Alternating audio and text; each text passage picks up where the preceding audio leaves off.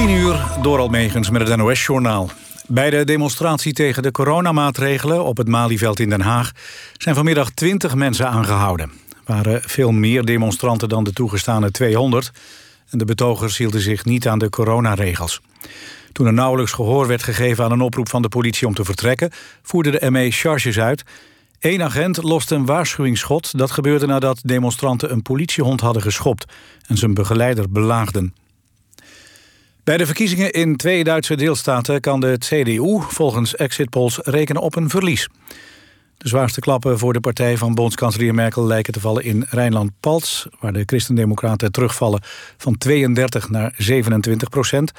En in Baden-Württemberg zakt de CDU naar verwachting van 27 naar 23 procent.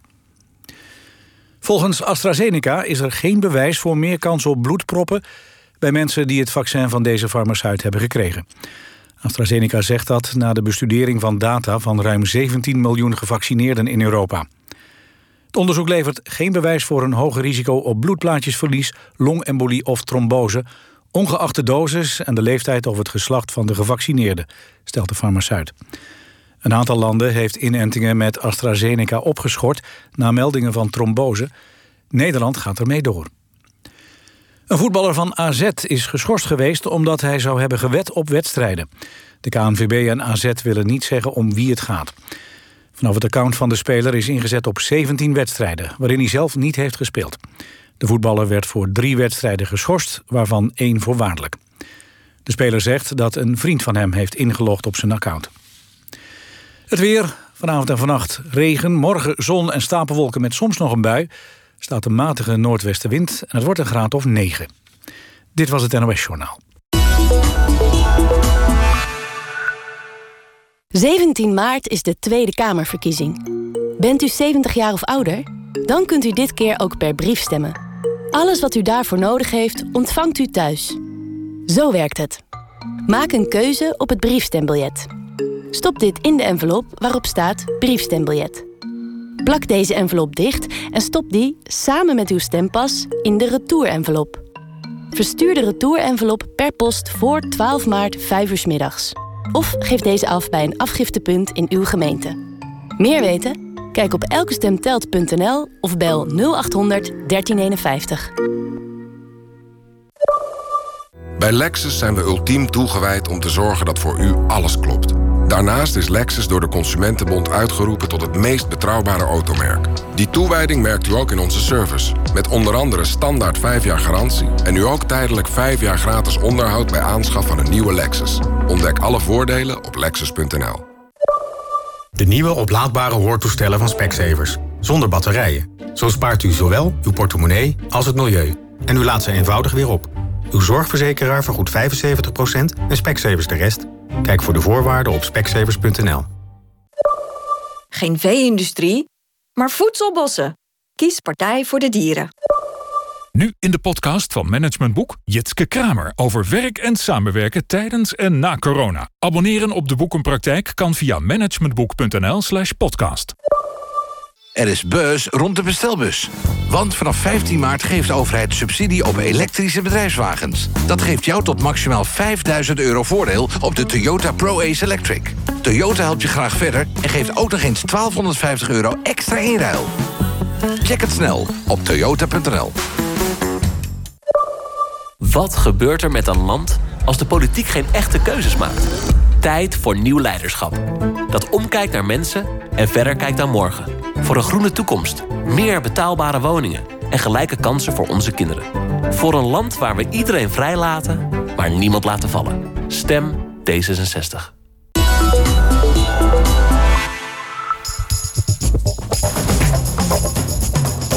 NOS, NOS, NOS Radio 1. Langs de lijn met Jeroen Stophorst. Goedenavond, de stofwolken zijn opgetrokken in Eindhoven. De spelers van PSV en Feyenoord maakten er een waar spektakel van. Een spektakel dat onbeslist eindigde. Het werd 1-1. Superveel kansen in de eerste helft. Veel minder in de tweede. Man of the match, Nick Marsman, pakt bal na bal. En zorgt ervoor dat Dick Advocaat en zijn spelers met één punt terug kunnen gaan naar Rotterdam. De twee kemphanen uit de Tour de France van vorig jaar, Roglic en Pogacar, rijden deze dagen gescheiden van elkaar etappekoersen. Hoe doorstaan zij de eerste serieuze test van het seizoen? Eén van hen uiteindelijk niet zo goed. Als ik nu naar Roglic kijk, dan zie ik hem daar in zijn eentje worstelen. Met inderdaad aan beide kanten die broek helemaal stuk. Aan beide kanten ook die schaafwonden. En hockeyer Jeroen Hersberger speelt al zijn hele carrière bij Rotterdam. Begonnen als jonkie is hij nu de 35-jarige opa van de ploeg. Dat is mijn paspoortleeftijd, hè? maar ik kwam er laatst achter dat er jongens bij ons spelen... die waren nog niet eens geboren toen ik debuteerde. Ja, dat is natuurlijk best wel heftig als je erover nadenkt. Maar hij dacht er wel over na en sprak erover na de wedstrijd van zijn club tegen Amsterdam. En dan praten we ook nog over Max Verstappen... die dit weekend zijn auto testte in Bahrein. Langslijn op de zondagavond is begonnen. En we beginnen dan nu echt met de topper van het weekend in de Eredivisie. PSV Feyenoord. Afgetrapt bij eh, PSV Feyenoord in het Philipsstadion in Eindhoven. Max vanaf de linkerkant. Dat is een goede bal van Philip Max met links met effect geschoten. En die bal gaat raken links voorlangs de goal van Marsman. Weer een 1-2 en dan komt hij terug bij... Ja, Malen, Malen, nee! Weer een kans voor PSV. Balbezit voor Feyenoord, dat kan hier een kans opleveren voor Linsen. Of voor Berghuizen, die maakt hem gelijk zeg.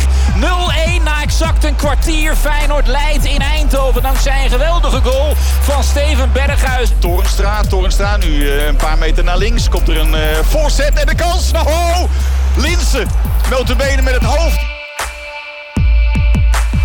Berghuis wil alweer. Ja, die heeft er zin in. Maar de bal gaat toch verder naar Sinisterra. Sinisterra.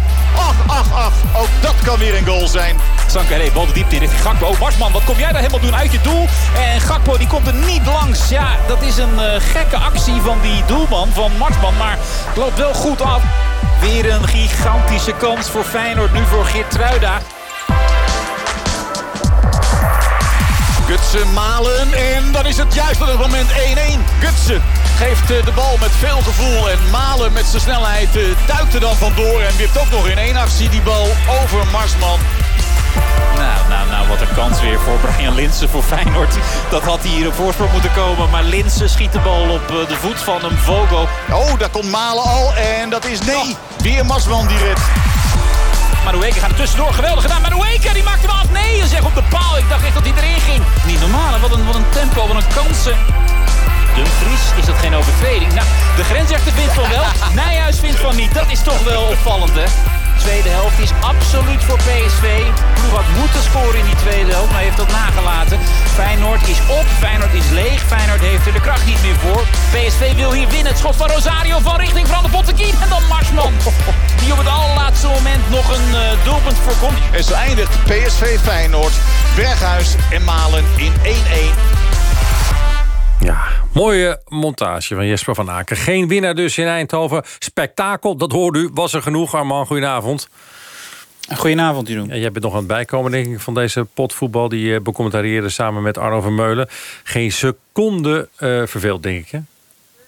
Nee, het was heel leuk. Het was echt een hele leuke, vermakelijke bevlagen. Ook een goede topper. Met name de eerste helft was, uh, was vrij zeldzaam in zo'n topper. Omdat er ja, zo, zoveel kansen waren. Een kans op 5, 6 voor Feyenoord. Zeker ook wel een stuk of 3, 4 voor PSV.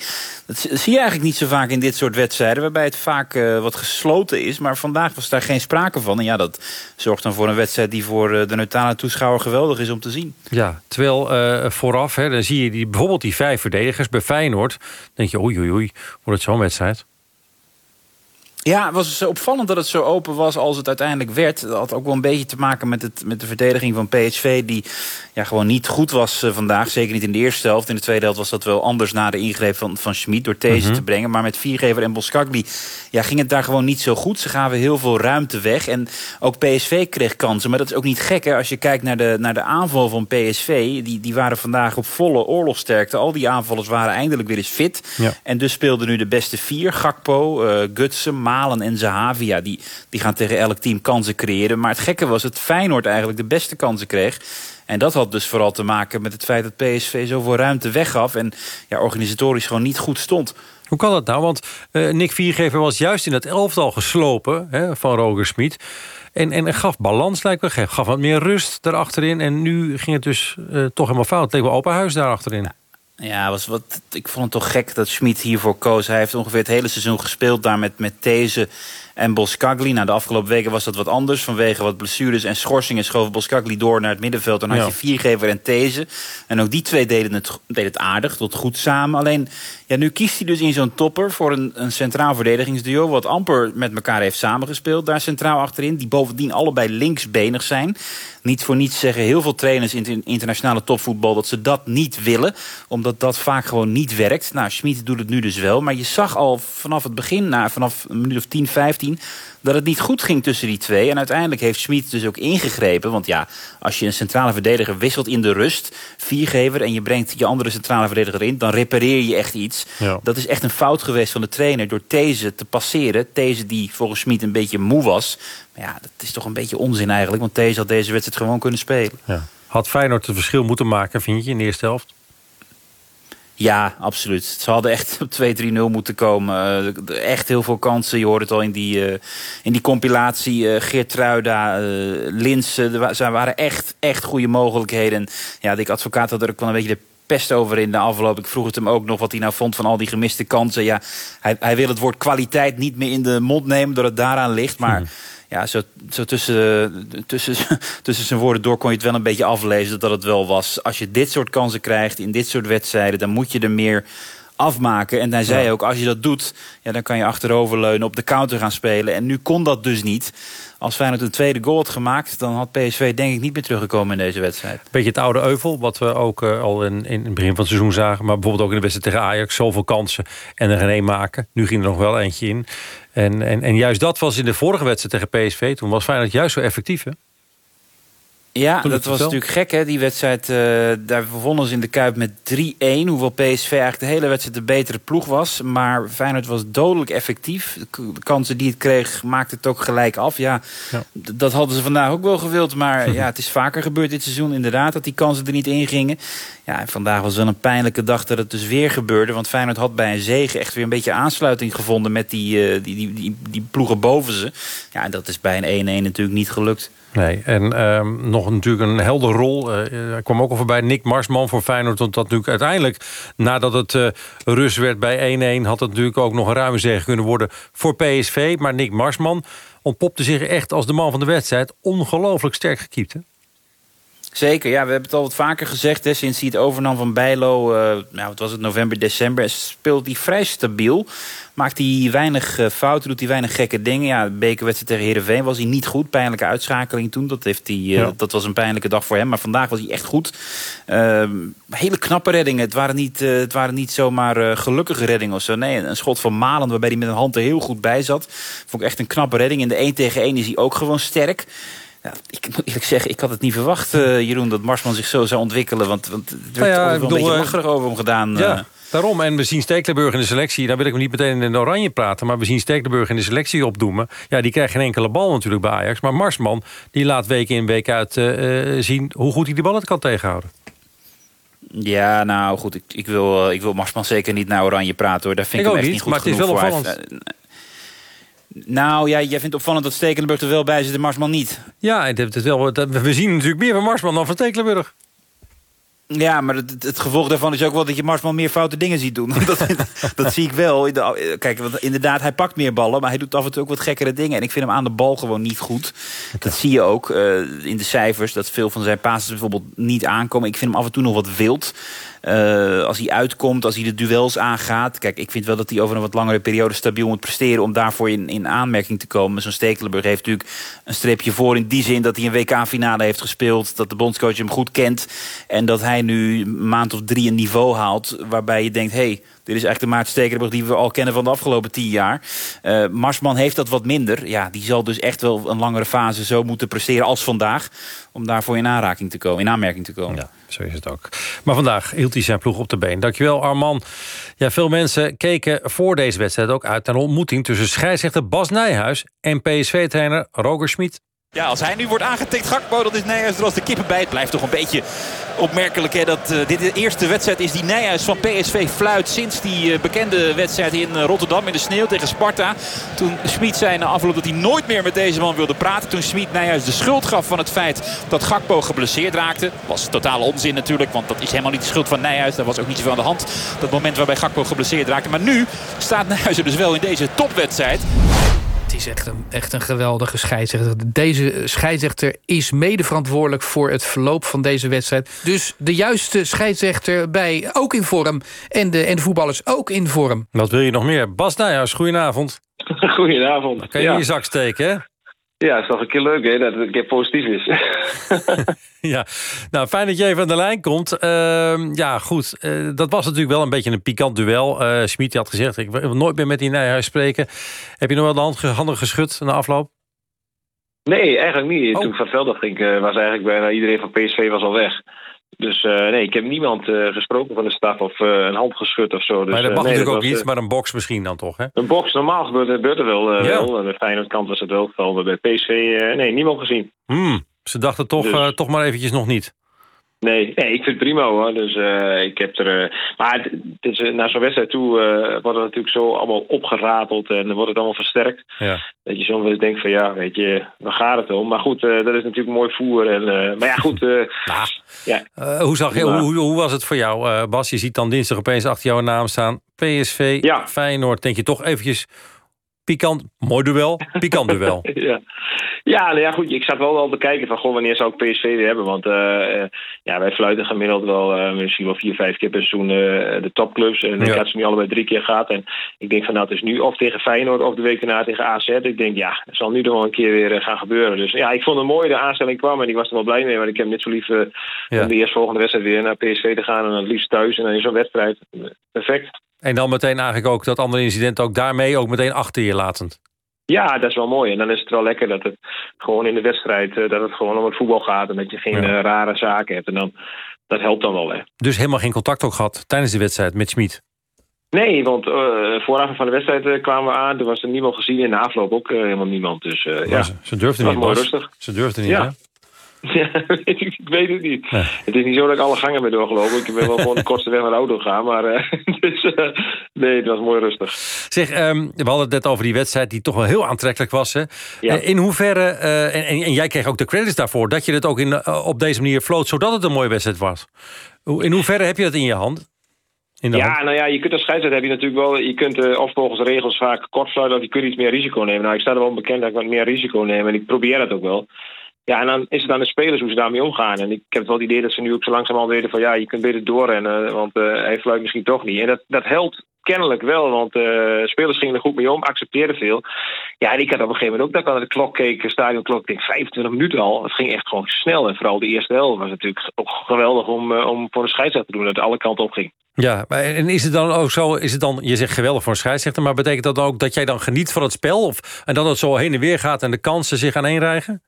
Ja, dat vind ik mooi. Vooral uh, snelle omschakelingen weer naar de andere kant. En uh, daar kan ik echt van genieten wel. En dan, dat je dan een klein tikje ja of nee kunnen we door laten gaan. Door ja. Een, ja, dat vind ik mooi. En daar geniet je als scheidsrechter ook van. En dan, uh, vooral als het te korte en kleine ruimte is, dan moet je soms oppassen dat je niet te veel de toeschouwer bent. Dus dan moet je wel snel weer mee. Maar ik kan er wel van genieten. Ja, ik, ja, maar ik kan, me zo, ja, ik kan me zo voorstellen. Dus je staat er met de neus bovenop. Hè, en op, op de beste ja. voetballers van Nederland in dit geval. En dan, en ja, dan, dan dat je bijna uit je rol valt. En je denkt, wow. Bijvoorbeeld, laten we zeggen, die paas hè, van, van, van, van Gutsen. Zo'n zo'n wippertje op malen. Dat je dan denkt, jee, wat mooi. Ja, is echt mooi. Je staat er ook echt naast. Hè? Ook dat Linse ja. zo'n kans weer mist. Wil. Dan loop je later ook langs zo'n Lins heen van... Goh, nou, dit zijn toch wel kansen. Ja, en dan zie je ook gewoon dat hij baalt. Dus je zit er echt gewoon... Ja, je zit gewoon in een bioscoop, maar je zit er gewoon bij. Dus dat is echt, uh, nee, dat is echt wel heel gaaf. Dat eerste maakt het ook heel mooi. Ja, eerste rang, ja. Dus dat is... Uh, Nee, maar dat is gewoon mooi. Het is uh, vooral de eerste helft. Die ging zo snel dat je al denkt, dat het is al rust. Van mij had nog wel even door mogen gaan. En zeg je dan ook tegen die Lindsay in het voorbijgaan van... joh, die had er al lang in gemoeten, hè, Brian? Ja, tuurlijk. Tuurlijk ja? zeg je daar, gewoon wat een kans, maar die had wel gemogen. Ja, man, man, dan baalt hij ook. En dan, uh, ja. natuurlijk, daar heb je het wel over. Op en neer die wedstrijd. Uh, uh, die, die, die, voetballers lopen op een gegeven moment natuurlijk met de tong op de schoenen. Hoe zit dat bij jou? Ja, het is wel lekker als je scheidsrechter toch nog wel de regie hebt. Hè? Dat je dus soms denkt van nou, ik ben zelf even kapot. En je denkt van nou, deze fluit ik maar af. En dat is wel lekker als scheidsrechter natuurlijk. Hè? Ja. Dat je dat, eh, nee, maar op zich kun je wel... eh, nee, wij lopen ook al eh 8, 9 kilometer per wedstrijd. Dus eh, ja, nu denk ik voor mij 9 gelopen of zo. Dus dat is, ja, ik vind het wel heerlijk. Ja, nou goed, de, de, de objectieve toeschouwer, eh, dat- jij, jij, jij stond er middenop, eh, middenin, kan je zeggen. Had deze wedstrijd een winnaar verdiend? Nou ja, ik vond wel dat het later bleek het wel echt een gelijkspel. Dat, dat daar ook wel op aanging wel. Feyenoord veel kansen gehad. PSV in het begin echt oppermachtig. Dus eh, ja, het kon allebei de kant op. Dus ik denk dat voor mij eh, leek het wel een gelijkspel dat het wel eh, oké was. Eindoordeel terecht 1-1. ja, precies. Oké, dan weten we dat ook zeker nu. Bas, dankjewel. Dankjewel hè.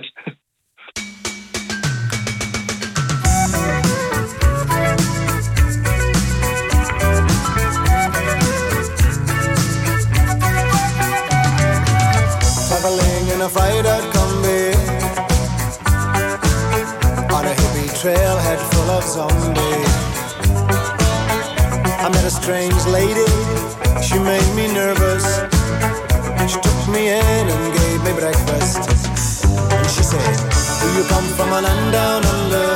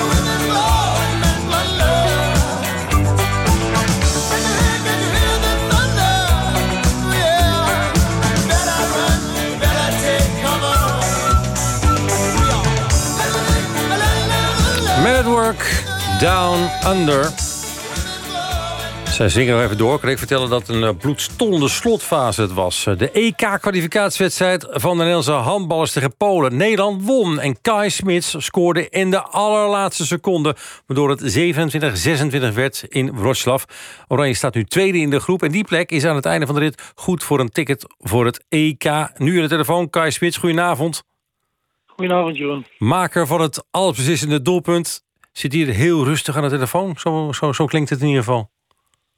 Nou, we hebben het, eh, we hebben het feestje al een beetje gevierd. Dat de jongens zijn in, eh, in het restaurant naast me nog, eh, nog Oh. door aan het vieren en, en, en een biertje aan het drinken. Dus eh, bij mij is het wel rustig, maar de, de, de blijheid overheerst wel. Dat kan ik me zo goed voorstellen. Neem ons eventjes mee naar die laatste 10 seconden. Te beginnen met de redding van doelman Bart van Ravensbergen. ja, daar, die was ontzettend belangrijk. Want ehm Polen kreeg natuurlijk met nog een minuut kregen ze de bal. Dus ze hadden een hele goede kans op de, ehm, eigenlijk op, op het laatste schot en, ehm, en een, een doelpunt. Die aanval kunnen we gelukkig stoppen met eh, wat je zegt, een hele goede redding van Bart. En we wisten nog dat we een time-out hadden. Dus zodra we de bal hadden, dat we die time-out zouden nemen. Ja. Ehm, er werd even twee, drie seconden mee gewacht door de coach. En toen nam hij de time-out. Toen waren er volgens mij nog zeven seconden eh, te gaan. En nou, de eerste, eerste halve minuut van de time-out was een beetje chaotisch. Want we wisten niet heel goed ehm, wat we wilden spelen. En kwamen niet echt tot een, tot een, tot een akkoord, zeg maar. Eh, uiteindelijk namen we toch de beslissing om te spelen wat, we, ehm, eh, wat je dus op het einde ziet. En dat ja, ging precies zoals afgesproken. En, eh, en zorgde gelukkig in de laatste seconde voor de, voor de overwinning. Ja, we hebben het een keer of acht achter elkaar gezien eh, bij op de Ja. redactie hier. Want het was namelijk waanzinnig. Je zegt, dan gebeurt er wat er gebeurt. Maar de bal gaat naar links. En hij, eh, jouw medespeler, ik weet niet, niet meer precies wie... maar die, die, die paast naar jou en jij, een Ja. soort van flyer. Hè? Dan je, je, je- een alley-oop, zou ik maar zeggen. Alleen dan bij handbal Ja. vlieg je hem erin. Nee, klopt. We hadden afgesproken dat eh, de vrije worp moest op de middenlijn van, op, aan de rechterkant worden genomen. Ja. Ehm, dus ik, ik eh, nam hem en eh, we hadden afgesproken dat de hoek in zou lopen. Want ze redelijk offensief stonden al heel de wedstrijd. En daar ook de ruimtes lagen al eerder in de wedstrijd. Met de hoop dat de hoekverdediger mee zou lopen. Waardoor de ruimte voor, ehm, voor onze linkeropbouwer eh, buitenom was. Ja. En dus de ruimte kreeg om, om in te springen en de bal naar mij, naar mij te passen. Dus eigenlijk wat ik zeg, precies zoals afgesproken. Ehm, en dan ja, om, om ten eerste zo eh, de wedstrijd te winnen is al top. Maar ook nog een wedstrijd waar je niet eens super geweldig speelt. Ehm, ja, eh, we zijn ontzettend blij met, de- met de overwinning. Die, Ja. eh, die, eh, met hele belangrijke twee punten ook. Ja, het is schitterend. Maar wat wij ons afvroegen... ehm, eh, eh, hebben jullie het nou echt getimed? Want jij scoorde, jij, jij krijgt die bal echt op 59 seconden ongeveer in de lucht. En je, Ja. schiet, je, je schiet hem direct. En, en met 60, eh, kortom, als het afgelopen is, ligt hij in het netje. Nee, precies. Ehm, Hoe ging dat? Nou, ehm, jongens op de bank zeiden al, ze dachten toen, onze, toen Luc Steins ehm, links buitenom ging, dat, dat hij zelf moest schieten, dat, dat hij geen tijd meer had om te pasen. Eh, maar goed, we hadden het zo afgesproken en dachten dat we het wel zouden halen qua tijd. Eh, Luc weet natuurlijk zelf niet hoeveel Nee. seconden nog te gaan zijn. Ik weet het ook niet. Ehm, dus we proberen ons gewoon aan de afspraak te houden. En, en ja, dat past, eh, past precies. Ja, het had ook geen halve seconde later moeten zijn. eh, maar dat gebeurde dus ook niet. Het was een, een, een fantastische apotheose. En je, je zei al, er wordt een feestje gevierd nu naast je in het restaurant. En in de kleedkamer eh, ging het los, hè, kan ik me zo voorstellen. Want dit is een enorme, Ja. enorme overwinning.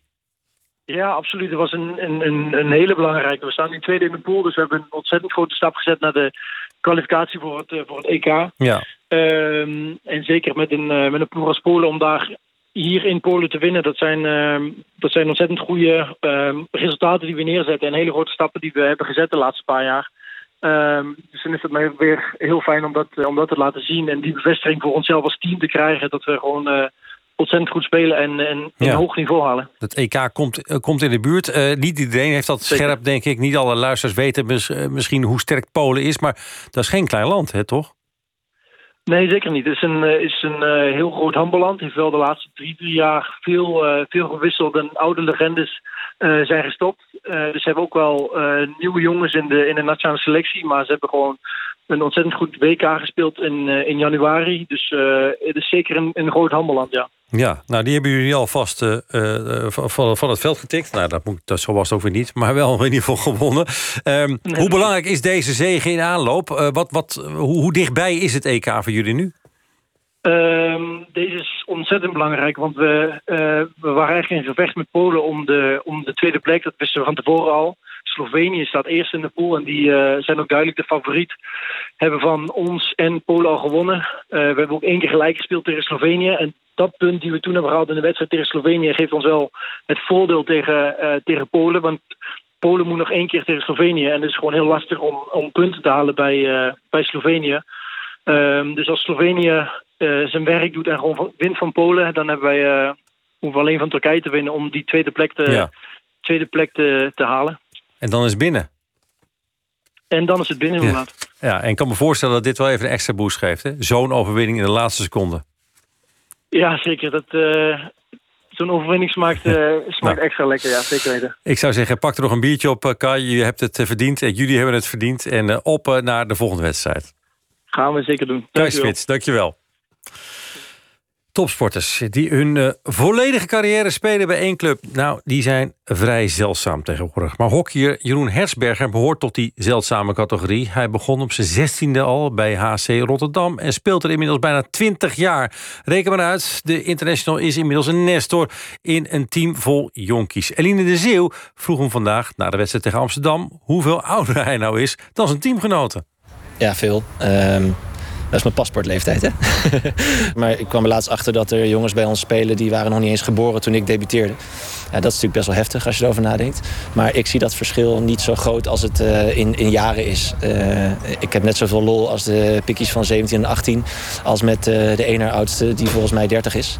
Ehm, dus eh, ja, ik vind het alleen maar heel erg leuk. Weet je wel? Dat is misschien ook wel het mooie van eh, topsport. Eh, leeftijd, ja, leeftijd is niks. Het gaat erom wat je tussen de lijnen laat zien. En, ehm, en hoe je je rol hebt in het team. Je speelt hier al bijna 20 jaar voor HC Rotterdam. Is het een bewuste keus geweest om hier altijd te blijven spelen? Ja, voor mij is één ding in het leven belangrijk en dat is loyaliteit. Eh, zowel buiten het veld als binnen het veld vind ik dat het allerbelangrijkste. En ehm, ja, ik heb al meerdere malen gezegd... Rotterdam is gewoon, eh, heeft mij het platform gegeven om alles uit mezelf te halen. De club is zo geweldig eh, dat ik nooit niet eens overwogen heb om, om een stap te maken. Clubliefde door dik en dun dus. Dames en heren, van harte welkom in het hockeystadion van Rotterdam. Een altijd mooie wedstrijd, namelijk de mannen van Rotterdam tegen de mannen van Amsterdam. In de afgelopen 20 jaar ontwikkelde HC Rotterdam zich van een club die schommelde tussen de overgangs- en hoofdklassen naar een club die meespeelt om de prijzen op het hoogste niveau. En Jeroen Hertzberger groeide in die jaren mee. Ik ben van een ventje een eh, man geworden. Ehm, eh, zowel fysiek als eh, mentaal. En ehm, ja, gewoon eigenlijk toen ik aankwam, toen promoveerden we. En daarna is het alleen maar zo gegaan met eh, resultaten. En ik heb twee oudere broers. Daar heb ik ook heel lang samen mee gespeeld. En ja, daar heb ik gewoon heel veel van geleerd. En dat op zich was het misschien een beetje geluk dat ik de jongste was. Ja. Een van zijn broers is Maurits. En die ziet ook dat zijn kleine broertje, die vandaag drie keer scoort, inmiddels niet meer zo klein is. Deze zit er feilloos in. Prachtige goal van Jeroen Hertzberger. Heel erg mooi geplaatst. Niet hard, maar geplaatste corner van Hertzberger. Hij is echt wel oud, inmiddels 35 en dan nog, eh, nog zo fanatiek en eh, echt eh, voorop gaan in de strijd, zeg maar. Dat is wel eh, bijzonder. Merk je dat ook aan hem? Jij kent hem natuurlijk als hockeyer, als broer. Is hij veranderd in die, die 20 jaar? Ja, je hebt eens een beetje zo'n fase in je beginjaren, dan ben je meer talent en dan gaat het allemaal meer op de automatische piloot en dan, ja, dan, hè, dan zit je er iets anders in. Toen was hij ook wel redelijk, ging hij er wel echt voor. Maar ik denk dat, ja, iedereen weet ook wel, er is een moment geweest natuurlijk bij hem in zijn carrière wat best wel veranderd, ja, veel veranderd heeft. Met, met Londen, dat hij daar afviel voor Olympische Spelen. Nou, dat heeft wel toen heb je wel gezien bij hem dat hij op een andere manier zijn sport ging beleven. En op een andere manier ermee bezig ging. En een andere vorm van toewijding eh, op sport eh, heeft gelegd. Ook na de Spelen van Rio in 2016 werd Hertzberger een tijd buiten de oranje selectie gelaten. Toch wist hij zich altijd weer terug te vechten in oranje, mede door die enorme toewijding en discipline. Bondscoach Max Caldas, die toevallig op de tribune zit in Rotterdam, ziet in Hertzberger daardoor ook een voorbeeld voor jonge talenten. Ik denk dat één ding dat mensen misschien dus niet zo goed zien van Jeroen... is dat de reden waarom zoveel jonge spelers hier zo goed zijn geworden... ook nog in de attitude, in lifestyle, in, eh, in keuzes heeft te maken... Jeroen heeft een goede, goede voorbeeld altijd. En, en daardoor staan de jongens zoals Blok en uh, Winno Boeren en uh, Jochem Bakker en, en Thijs van Dam... Ook zijn groeien, Chip Hoedemakers. Dus volgens mij, Jeroen is ook nog een hele goede voorbeeld uh, in deze omgeving... voor de jonge jongens. En dat is wel zichtbaar. Uh, en dat is wel een van zijn kwaliteiten. En ja, ik probeer die cultuur nu wel door te geven. Dat het eigenlijk uh, heel simpel is. Je kan talent hebben, je kan gemotiveerd zijn. Nou, dat is iedereen. Maar je attitude, dat gaat gewoon bepalen hoe ver je het gaat schoppen. Ja, dat probeer ik ze zo vroeg mogelijk duidelijk te maken. Want ik wou ook, toen, toen ik 18 was, dat iemand het tegen mij zei. Ja, mentor of... ja, dat weet ik niet. weet je, jongens... Het belangrijkste vind ik is dat ook al ben ik de oudste en meest ervaren en uh, bla bla bla. Uh, je moet altijd bij mij terecht kunnen. En, en, volgens mij is dat wel zo. En dat is bij Oranje ook zo. Jonge jongens bellen mij als ze ergens mee zitten. En uh, ja, dat, dat, dat, vind ik echt belangrijk. Ik, ik geniet daar echt van. Het is afgelopen. Het is zes tegen zes. De punten worden gedeeld. Wat een gave pot. Ja, dat kan je zeggen. 6-6 Amsterdam, Rotterdam. Hersberger maakte drie doelpunten. En daarmee werd het ook nog eens een keer een heel bijzondere dag voor hem. Hij steeg naar plaats 3 van de topscorers aller tijden in de halfklasse. Hersberger scoorde tot nu toe 278 competitiedoelpunten. Alleen Take Takema met 309. En Roderick Weusthof 346 scoorde vaker. Vorig jaar zagen we een ijzingwekkende ontknoping in de Tour de France. De ene Sloveen Primoz Roglic verloor op de slotdag nou ja, de dag daarvoor, de eindzegen aan de andere Sloveen, Tadej Pogacar. Het gebeurde allemaal in die tijdrit, weet u nog. Afgelopen week lieten beide heren zich in het nieuwe seizoen ook weer gelden... in de eerste ronde wedstrijden. En dus maken we alvast een tussentijdse balans op. Dat doen we met oud-analyst en oud-wielrenner, pardon, analist is hier nog steeds, Tom Veders. Goedenavond, Tom. Goedenavond. Oud wielrennen en tegenwoordig analist natuurlijk bij Langslijn. Uh, goed dat je er bent. Uh, Tom, we beginnen even bij de Tirreno Adriatico... waar Pogacar aan meedoet. Dat is nog bezig, hè? nog twee etappes daar te rijden. De hoofdrol was vandaag wel voor iemand anders. Voor Mathieu van der Poel. Hij won de vijfde etappe na een solo van 50 kilometer. Heb je ook zo genoten? Ja, ja ultiem. Echt ultiem om weer zo'n zo spektakel te zien inderdaad. Ja. Is on ongelooflijk. Hij zei toch dat hij ging trainen? Ja, trainen, uh, had het koud. Uh, um, ik wist dat hij voor etappenwinst ging, inderdaad. En um, ja, dat was ook al vurig zichtbaar twee dagen geleden... toen hij, toen hij met de etappe aan de haal ging. Ja. maar nu is het op een totaal andere manier. Kijk, waar hij een paar dagen geleden in de sprint wint... wint hij vandaag met een solo inderdaad van 50 kilometer. Ja. En... Um, ja, je zag wel dat hij compleet, maar dan ook compleet uitgemergeld over de streep kwam. Ja, ik dacht niet dat dit ging halen hoor, toen ik uh, zat te kijken. Want het liep zo hard terug, Ja, die voorsprong op Pogacar. Heel hard terug inderdaad. Maar ja, dat was ook wel te zien, zeg maar. En je, meestal noemen we ook wel in het wielrennen... je hebt zeg maar drie gradaties van, eh, van stuk zijn... of de man met de hamer tegenkomen. Nou, dit was volgens mij echt wel gradatie drie. De stoomwals. Ja. ja. Ja. Eh, maar goed, hij is goed, eh Mathieu van der Poel. Ehm, ben je ook weer iedere keer toch weer onder de indruk... want we weten hoe goed hij is... maar dat hij, wat hij nu allemaal weer laat zien? Ja, ik, ik ben en blijf onder de indruk. Maar ehm, vandaag zag ik wel, eh, want ja, mens, machine. Kijk, eh, hij, hij verbaast iedereen. Eh, maar ik vond hem wel, je zag dat hij er echt hard voor moest werken. En dat was al een kilometer of 25, 30 voor het eind. Waar hij toch iets minder stilistisch op de fiets zat.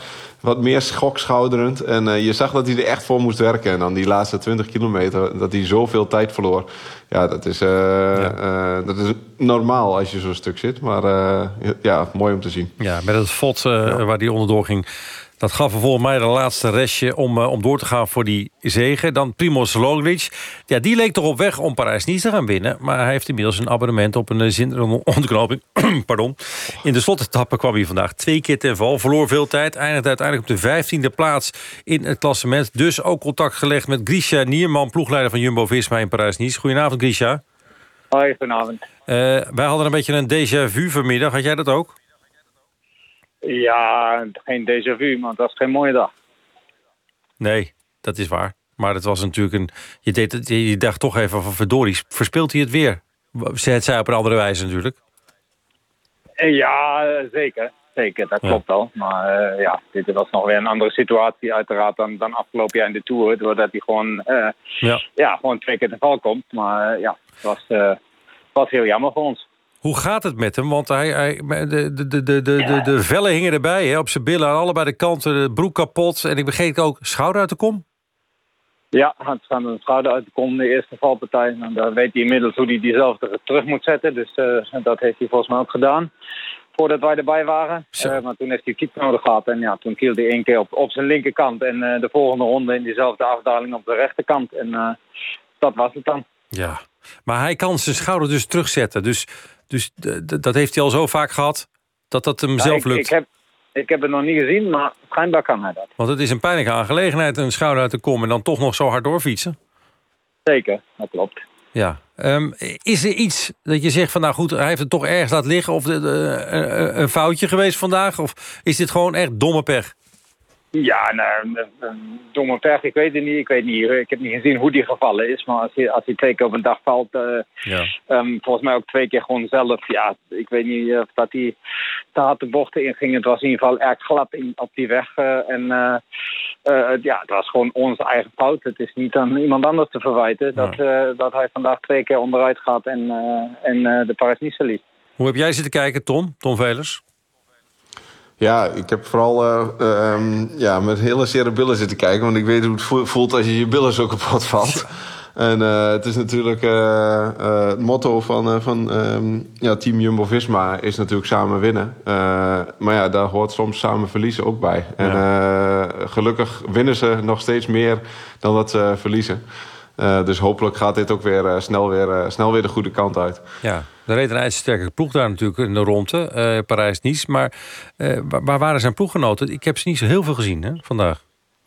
Ja, op Nou, dat moment waren heb ik we... Oh, pardon. Nou, Grisha, Sorry, jij hebt sorry, een... ik weet niet wie je bedoelde, maar nee, we waren er nog met vier man bij op dat moment. En die, die, Ja? die, drie man, Steven, George en, en Sam, die hebben, die hebben alles gedaan. Proberen Primos eh, meteen het gat te dichten, meteen terug te rijden. En eh, zich daarbij ook helemaal zelf opgerookt. En daardoor kwam Primos ook redelijk snel alleen te zitten. Aha. Toen kwam die denk ik nog op 20 meter van de, van de neutrale auto terecht. En ja, het was gewoon voor ons een, een eh, samenvatting van, van omstandigheden. Primoz valt de tweede keer, dat ziet niemand. Het was niet op tv, de Nee. jury heeft het niet gezien. En op dat moment dat we onderaan de klim komen, eh, ja, onderaan de afdaling komen, eh schiet het peloton in stukken en, en wordt, de wordt de barrage gemaakt. En wij zijn nog naar de jury gegaan en hebben gezegd, ja, dat mag niet, want Primoz is gevallen. Maar wij hadden dat dus kennelijk niet gezien. En ja, de- wij hebben het ook niet gezien. We hebben het ook alleen gehoord natuurlijk via de radio's. Mhm.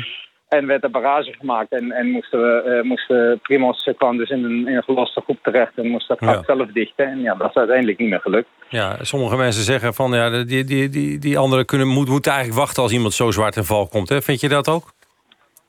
Nee, ik vind eh, eh, dat het wielrennen is en wij geven geen cadeaus, maar we verwachten ook geen cadeaus. En dat was heel zuur voor ons vandaag, maar geen verwijt aan de andere ploegen die, die wel hebben gereden. Dat, eh, eh, eh, ja, de eerste rit waar Richie Poort valt, daar wacht er ook niemand. En ja, uiteindelijk is er een ongeschreven wet dat je op de gele trui wacht. Maar nogmaals, wij, wij hebben vandaag fouten gemaakt. Primoz is twee keer gevallen, daardoor heeft hij verloren. En niet daardoor dat andere ploegen hebben doorgereden. Ja, zo gaat dat in het keiharde wielrennen. Wat is zijn programma nu de komende tijd voor Primoz Roglic? Dan gaat de Ronde van de Baskeland herrijden. Oké, en die begint wanneer? Eh 4 april. 4 april. Eerst eventjes herstellen. Zowel van de wonden natuurlijk als van de inspanning. Grisha. Grisha dankjewel. Fijn dat je even aan de telefoon kon komen. Grisha Nierman was dat. De, doei, doei, de ploegleider van eh, eh, Jumbo-Visma. Ehm, jij bent er nog wel steeds, Tom, Tom Velers. Eh Pogacar, moeten we het even, eventjes over hebben. Die rijdt natuurlijk in de Tirreno heel goed de ronde. Eh, kwam dus net niet bij Van der Poel. Eh, werd tweede in de etappe. Maar verstevigde natuurlijk wel zijn leiderspositie in het algemeen klassement. Heeft hij die vorm van vorig jaar eigenlijk gewoon in één ruk meegenomen? Nou, de vorm weet ik niet, maar wel die onbevangenheid. Ehm, Dat is wel bijzonder. Dat vind ik wel heel knap. Ja, vind ik heel knap. En het is natuurlijk ook een jonge gast die, ehm, eh, ja, wat je ook al ziet aan, eh, aan Wout, aan Mathieu en, en meerdere van die jongens die, die gewoon eh, echt met lef koersen. En die onbevangenheid, ja, dat is wel iets wat ik, wat ik nog bij hem terugzie. Eh, en dat vind ik wel heel mooi om, om ook terug te zien. Want ja, we waren afgelopen jaren al Team Sky, Team Ineos gewend. En daar werd het altijd... Ja, had je een kratje op een blaadje kon je geven eh, dat het een soort van aftellen was... eh, totdat de kopman op kop kwam.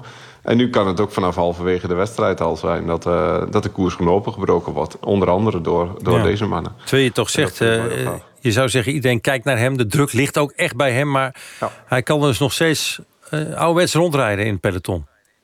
Ja, ja, zo ziet het er wel naar uit. En eh, ja, ik denk ook dat hij, eh, dat hij, eh, hij zelf, maar ook met, eh, met teamgenoten, want eh, een, eh, ja, een jonge gast die daarbij is gekomen, Brandon McNulty, die deed bijvoorbeeld een hele goede tijdrit in Parijs-Nice. Nou, ze hebben daar Mark Hirschi hebben ze, hebben ze aangetrokken. Mhm. Eh, en ja, die jongens die rijden natuurlijk ook. Als jij voor een kopman eh, rijdt waar je nu van weet, eh nadat hij de Tour heeft gewonnen vorig jaar, dat hij eh, dit in zijn mars heeft. Ja, dat, dat geeft natuurlijk net dat extra. Hè? Eh, net een beetje extra om, eh, om daarvoor te, te rijden. En, eh, en eh, ja, eigenlijk je ballen af te draaien om, eh, om, eh, om het zo goed maar dan ook echt zo goed mogelijk te, Ja. voor te bereiden. Kortom, eh, die, die, die gaan we nog wel terugzien. Ook in de, in de allergrootste ronde. Die van Frankrijk natuurlijk. Roglic ook. Is dus ook weer goed. Want eh viel er wel vandaag twee keer. Maar daarvoor toch drie etappes gepakt in Parijs-Nice. IJzersterke indruk gemaakt. Ja. ja, ja, die twee kan je dus al opschrijven. Maar zijn er dan belangrijke uitdagers volgens jou... voor deze twee mannen? Nou, je, hebt, je hebt wel uitdagers, maar ik vind toch echt dat uh, Pogacar en Roglic er nog, nog bovenuit steken. En uh, kijk, Hart, die ging... Uh, die Gegen Hart, ja, die, tegen... die zagen we in de, in, in de Giro, maar waar, waar rijdt hij ja. nu rond? Ja, die is gevallen vorige week. En die heeft zijn, zijn hoofd bezeerd. Hmm. waardoor het teamarts eigenlijk gezegd heeft... nou, we gaan geen risico nemen en we, we gaan eruit. En Jai Hindley, die vorig jaar twee werd in, in de Giro... die reed vooral in... Uh, in een dienende rol hier in Parijs-Nice. Uh, dat is normaal gesproken bij uh, Team Sunweb is dat geregeld. Je hebt een bepaalde wedstrijd dat je voor jezelf kunt rijden. Een bepaalde wedstrijden in een dienende rol. Dus Ties Benoot liet vorig jaar zien dat hij met een tweede stek in het klassement zo'n rittenkoers aan kan. Ja. die werd, dit jaar werd hij, wat hij vijf. Dus ja, daarmee onderstreept hij wel weer dat hij heel goed is. en Jai Hindley reed, reed in dit geval voor, voor Benoot. Um, sterk, maar ja, voor mij steken uh, Pogacar en, uh, en Roglic daar nog wel, uh, nog wel ja, bovenuit. Ja. Nou, met voor, hun capaciteiten. Voor het zover is nog een boel andere koersen. Bijvoorbeeld die van zaterdag. Want Tirreno duurt nog tot en met dinsdag. Maar daarna kijken we toch vooral naar de grote voorjaarsklassieker. Milaan-Sanremo. Mathieu van der Poel heeft daar zijn kaart op gezet. Is hij ook echt de grote favoriet voor die koers? Ja, ik vind van wel. Want als die, wat hij de laatste tijd al laat zien... Uh, is hij, staat hij voor mij op nummer 1, uh, inderdaad, als favoriet. Uh, en komen Wout en, en Julien Alaphilippe komen daar... dus Wout van Aert en Julien ja. Alaphilippe komen daar net onder als favorieten. Dat zijn toch de punchers. en het, het is ja, voorheen al gebleken dat je echt op die laatste twee klimmen... echt een punch nodig hebt om, om weg ja. te kunnen komen... Of, of nog een sprint te kunnen, te kunnen rijden van een klein select groepje. Nou, dat kunnen die mannen. Ik heb er nou wel dus zin Ja, Zeker. Oké, okay. zaterdag Milan Sanremo. Tom Veders, dankjewel.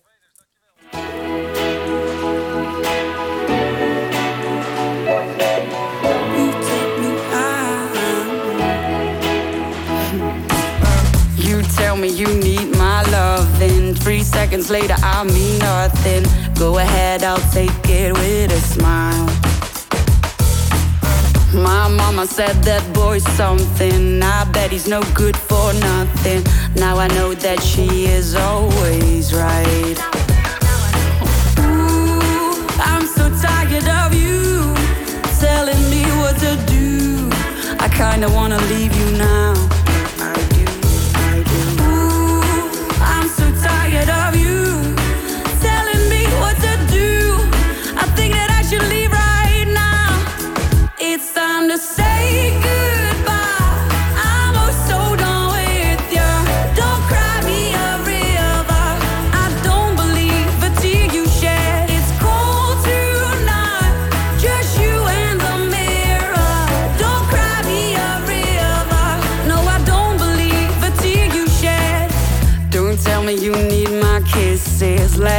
Text said something different.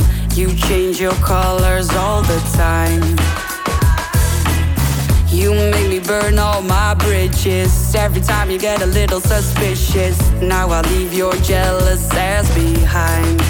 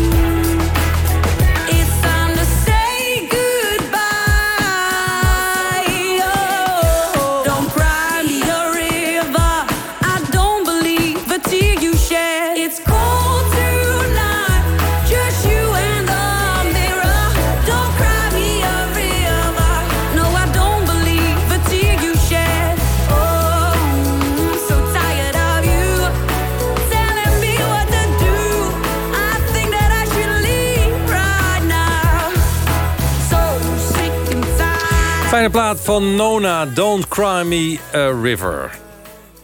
Kan Max Verstappen in het komende Formule 1 seizoen... eindelijk echt meedoen om het kampioenschap? Dat is de grote vraag waar de afgelopen dagen in Bahrein... de eerste antwoorden op kwamen. De Formule 1-teams testen afgelopen dagen hun auto's... in aanloop naar het seizoen dat over twee weken begint, ook in Bahrein. Louis Dekker volgt het voor ons allemaal op de voet. Goedenavond, Toby. Goedenavond. Uh, ik lees overal dat Red Bull, het team van Verstappen... door iedereen wordt betiteld als de winnaar van de afgelopen dagen. Vlag kan uit. Ja, maar je koopt er niks voor, hè? Nee. Want het levert geen punten op. En uh, ja, ik kan heel flauw zeggen dat het allemaal niks voorstelt, die test... en dat je er niks uit kunt aflezen. Maar... En dat de conclusies pas over twee weken komen. Maar, puntje, puntje, puntje. Het was wel echt imponerend, hoor, de afgelopen drie dagen. Er is maar één team dat echt, uh, laat ik het in een cliché samenvatten... het visitekaartje heeft afgegeven. En dat was niet Mercedes met Lewis Hamilton. Dat was echt Red Bull Racing met Max Verstappen... en zijn nieuwe teamgenoot Sergio Perez... Uh, ik ga niet zeggen dat ze ongenaakbaar waren. Ze waren snel, ze waren betrouwbaar. Bijna foutloos, geen grote problemen. Ik had niet het idee dat het veel beter had gekund daar. Ja, maar, maar waar zit hem dat in dat het dan de winnaar van het weekend is? Ik maar zeggen. Ook al, want ja, er worden, er worden geen prijzen uitgedeeld. Er gaat niemand als eerste over de finish. Nee, maar je kunt gewoon merken... Uh, nou, laat ik uitleggen dat we gewend zijn aan twee testweken. Twee keer vier dagen. Nu zijn het er maar drie. En natuurlijk, die auto's zijn niet zo heel erg veranderd uh, afgelopen zegt, winter. Maar toch drie dagen. Je zei twee keer vier dagen. Ja. En het is nu twee keer drie dagen. Nee, één keer drie. Dus het Oh. is echt, er is een enorme hap uit die test uh, gehaald. En dat betekent dat je één ding niet wil. Want we kunnen allemaal complottheorieën op Mercedes leggen. Waarom deden ze het zo matig? Waarom reden ze zo weinig? Ja, je kunt een lang verhaal en een kort verhaal vertellen. Uh, Mercedes heeft maar drie dagen, net als alle anderen. En ze hebben wel erg veel binnengestaan. Uh, weinig gereden, veel problemen gehad. En als ze dan buiten waren, ja, dan zijn wij gewend dat Lewis Hamilton gewoon met twee vingers in de neus de snelste tijd neerzet. Maar ik heb Hamilton zo vaak zien spinnen. En erger dan dat, echt gewoon bochten zien missen. Moeite moeten doen om die auto op, uh, op de baan te houden. Het leek af en toe wel een op hol geslagen paard. En als je dan een hele mooie vergelijking wil maken, dan is het net of Verstappen en Hamilton van auto zijn gewisseld. Dat die auto's een andere kleur hebben gekregen. Want de problemen die Verstappen vorig jaar had... met een auto die om de haverklap aan het wegbreken was... die hebben ze nu bij Mercedes. En waar dat aan ligt, niemand die het weet. Nee. Want zoveel is er niet veranderd, behalve de vloer van ja. de auto, de bodem. En die heeft heel veel met grip te maken. Dus ik denk dat de sleutel daar ligt. Ja, want je zou zeggen, hoe kan dat nou? Want zoveel zijn die auto's niet, dus niet veranderd. En, en ze waren toch echt de heer en meester. Uh, dus, dus dat is dan in, in, in die vloer die, die weggeknipt is op het einde hè, van de wagen, zou je kunnen zeggen. Ja, dat zou wel eens een heel belangrijk element kunnen zijn. Het kan ook aan de iets veranderde banden uh, liggen. Het kan aan allerlei details liggen. Het is puur giswerk. Uh, een ingewikkeld antwoord wat ik kan geven is dat je altijd... laat ik het proberen simpel uit te leggen... je hebt bepaalde uh, berekeningen op de fabriek, simulaties... ja, dat moet ook allemaal maar op het circuit allemaal weer net kloppen. Correlatie heet dat. Daar heeft Red Bull slechte ervaringen mee. Maar op de een of andere manier, Verstappen zei het heel mooi vanmiddag in, in een interview. Hij zei, die auto doet precies wat wij hoopten. En dat is precies ja. wat je wil. En daar gaat het heel vaak mis. En bij Mercedes hebben ze kennelijk op de fabriek iets berekend... wat in de praktijk niet werkt. Maar laat ik daar meteen maar van zeggen, nog niet werkt. Want ze hebben natuurlijk nu twee weken om uit te rekenen waar die fout zit. Nou, is altijd een boel geheimzinnigheid rondom de Formule 1. Zou het ook niet zo kunnen zijn, uh, Louis, dat er een spelletje wordt gespeeld? Dat er even in, uh, zand in de ogen wordt gestrooid van de concurrentie? Ja, natuurlijk. Er worden alleen maar spelletjes gespeeld daar. Alleen uh, dit spelletje, dat gaat me te ver. Dat Mercedes hier aan, zoals de Engelsen noemen, sandbagging doet. Oftewel jezelf min, minder mm -hmm. sterk voordoen dan je echt bent. Nee, daar zijn de belangen te groot voor. Daar is de druk op de ketel te hoog voor. Want je hebt maar drie dagen en dan wil je echt niet stilstaan. Hier is echt wat aan de hand bij Mercedes. Alleen laten we niet meteen gaan juichen. Het is wel het team dat al zeven jaar domineert. Ja. En zelfs als ze het niet binnen twee weken voor elkaar krijgen... dan uh, hebben ze nog steeds 23 Grand Prix om het recht te breien. Dus die zijn niet uitgeschakeld. Maar het is wel een hele moeizame start. En dat hm. is toch echt verrassend. Dat Red Bull beter voor de dag komt dan de rivaal. Maken ze zich ook zorgen? Lewis Hamilton bijvoorbeeld, de, de, de wereldkampioen zeven keer? Ook dat is een leuk spelletje, maar dan een woordspelletje. Dan zegt hij uh, uh, je zorgen maken, dat is tijdverspilling. Nou, daar kun je het dan mee doen, eh, Jeroen. Dus als je een keer een probleem hebt, dan zeg je... ja, ga me geen zorgen erover maken, want het kost me te veel Ja. tijd. En dat is natuurlijk Ja. een, een... Ja, dat is natuurlijk gewoon een heel leeg antwoord. Het is, het is wel precies hoe die is. Ik vond ook wel een mooie zin. Maar de ontkenning, daar kun je ook een beve- bevestiging van maken. Als je je geen zorgen maakt. En ik kan ook nog vertellen wat hij erachteraan zei. Hij zei, eh, ik heb liever dat het nu gebeurt dan over twee weken. Nou, logisch. Eh, maar hij zegt ook, testen, dat is bedoeld om dit soort dingen tegen te komen. Wij moeten hard werken om het eh, lek boven te krijgen. Ja, dat is een waarheid als een koe. Alleen, ik weet zeker dat Hamilton liever anders was begonnen. Zijn er ook andere coureurs die nog opvielen... behalve die twee Kemphanen? Ja, best veel. En wij letten natuurlijk eh, vooral op degene die Max Verstappen moet gaan helpen in het gevecht eh, tegen Mercedes. Dat is Sergio Perez. Nou, die doet het hartstikke goed. Eh, ziet er, voor zover je conclusies kunt trekken, wederom heel solide uit. Maar zegt zelf, ik heb wel een race of vijf nodig om aan die auto te wennen en echt gewoon alle snelheid eruit te halen. Dus die zet zichzelf wel echt op dit moment neer als, als tweede coureur in dat team. Maar eh, ook hij maakte indruk. En wat voor de rest eh, vond ik, als je dan toch naar het scorebord kijkt, heel verrassend was. Is dat achter Max Verstappen, die de snelste van allemaal was, er een hele verrassende nummer twee was. Een supertalent uit Japan. We hebben nog weinig over hem gehoord, maar ga er maar op letten dit jaar. Yuki Tsunoda. Als je hem ziet, denk je, die is 12. Dat kan niet. Maar hij, hij zit in de Formule 1. Hij is snel. Hij heeft een route doorlopen die vergelijkbaar is met wat, wat eh, Max Verstappen is overkomen. Namelijk met reuze sprongen naar de Formule 1. En vandaag zet hij even bij zijn debuut de tweede tijd van allemaal neer. Dus ja, Zo. het zegt allemaal niks, maar hij stond er wel, hè? Hij heeft wel zijn rijbewijs. Daar was hij wat eh, voortvarender mee dan Verstappen. Maar hij is ook iets ouder. Oké. Over twee weken gaat het daar allemaal beginnen in Bahrein. En dan ben jij er weer bij. Louis, dankjewel. Louis Dekker was dat. Buitenlands voetbaluitslagen nog een paar. Manchester United tegen West Ham United het 1-0. United staat nog altijd tweede, maar wel met 14 punten achter stadgenoot Manchester City. Donny van der Beek trouwens nog steeds geblesseerd.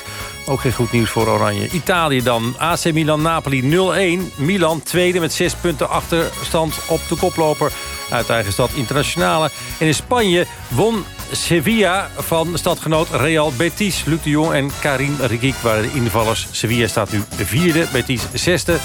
En PSG Saint-Germain verloor op eigen veld van Nantes. Dat is ook opvallend. Paris Saint-Germain tweede. Drie punten achter koploper Lille. Mieke van der Weijen is er zometeen. Met het oog morgen. Goedenavond.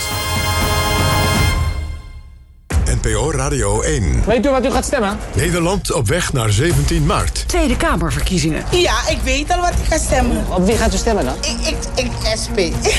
SP? Ja. Weet u het al? Nee, ik weet het eigenlijk nog niet. Ik sta helemaal niks. Partij van de Arbeid. Ik ben op dit moment nog een zwerende kiezer. Weet u al wat u gaat stemmen? De VVD. GroenLinks, denk ik. Tot nu toe zit ik op 50 plus. Ik heb met mijn vriend erover gehad. En hij zegt van, ja, ik ben een beetje links, weet je. Ik stem denk. Ik ben een vaste klant van het CDA. We zijn van Radio 1. Ik ga de buurt langs vragen wat mensen gaan stemmen. Oh. NPO. Radio Brengt jouw stem naar Den Haag.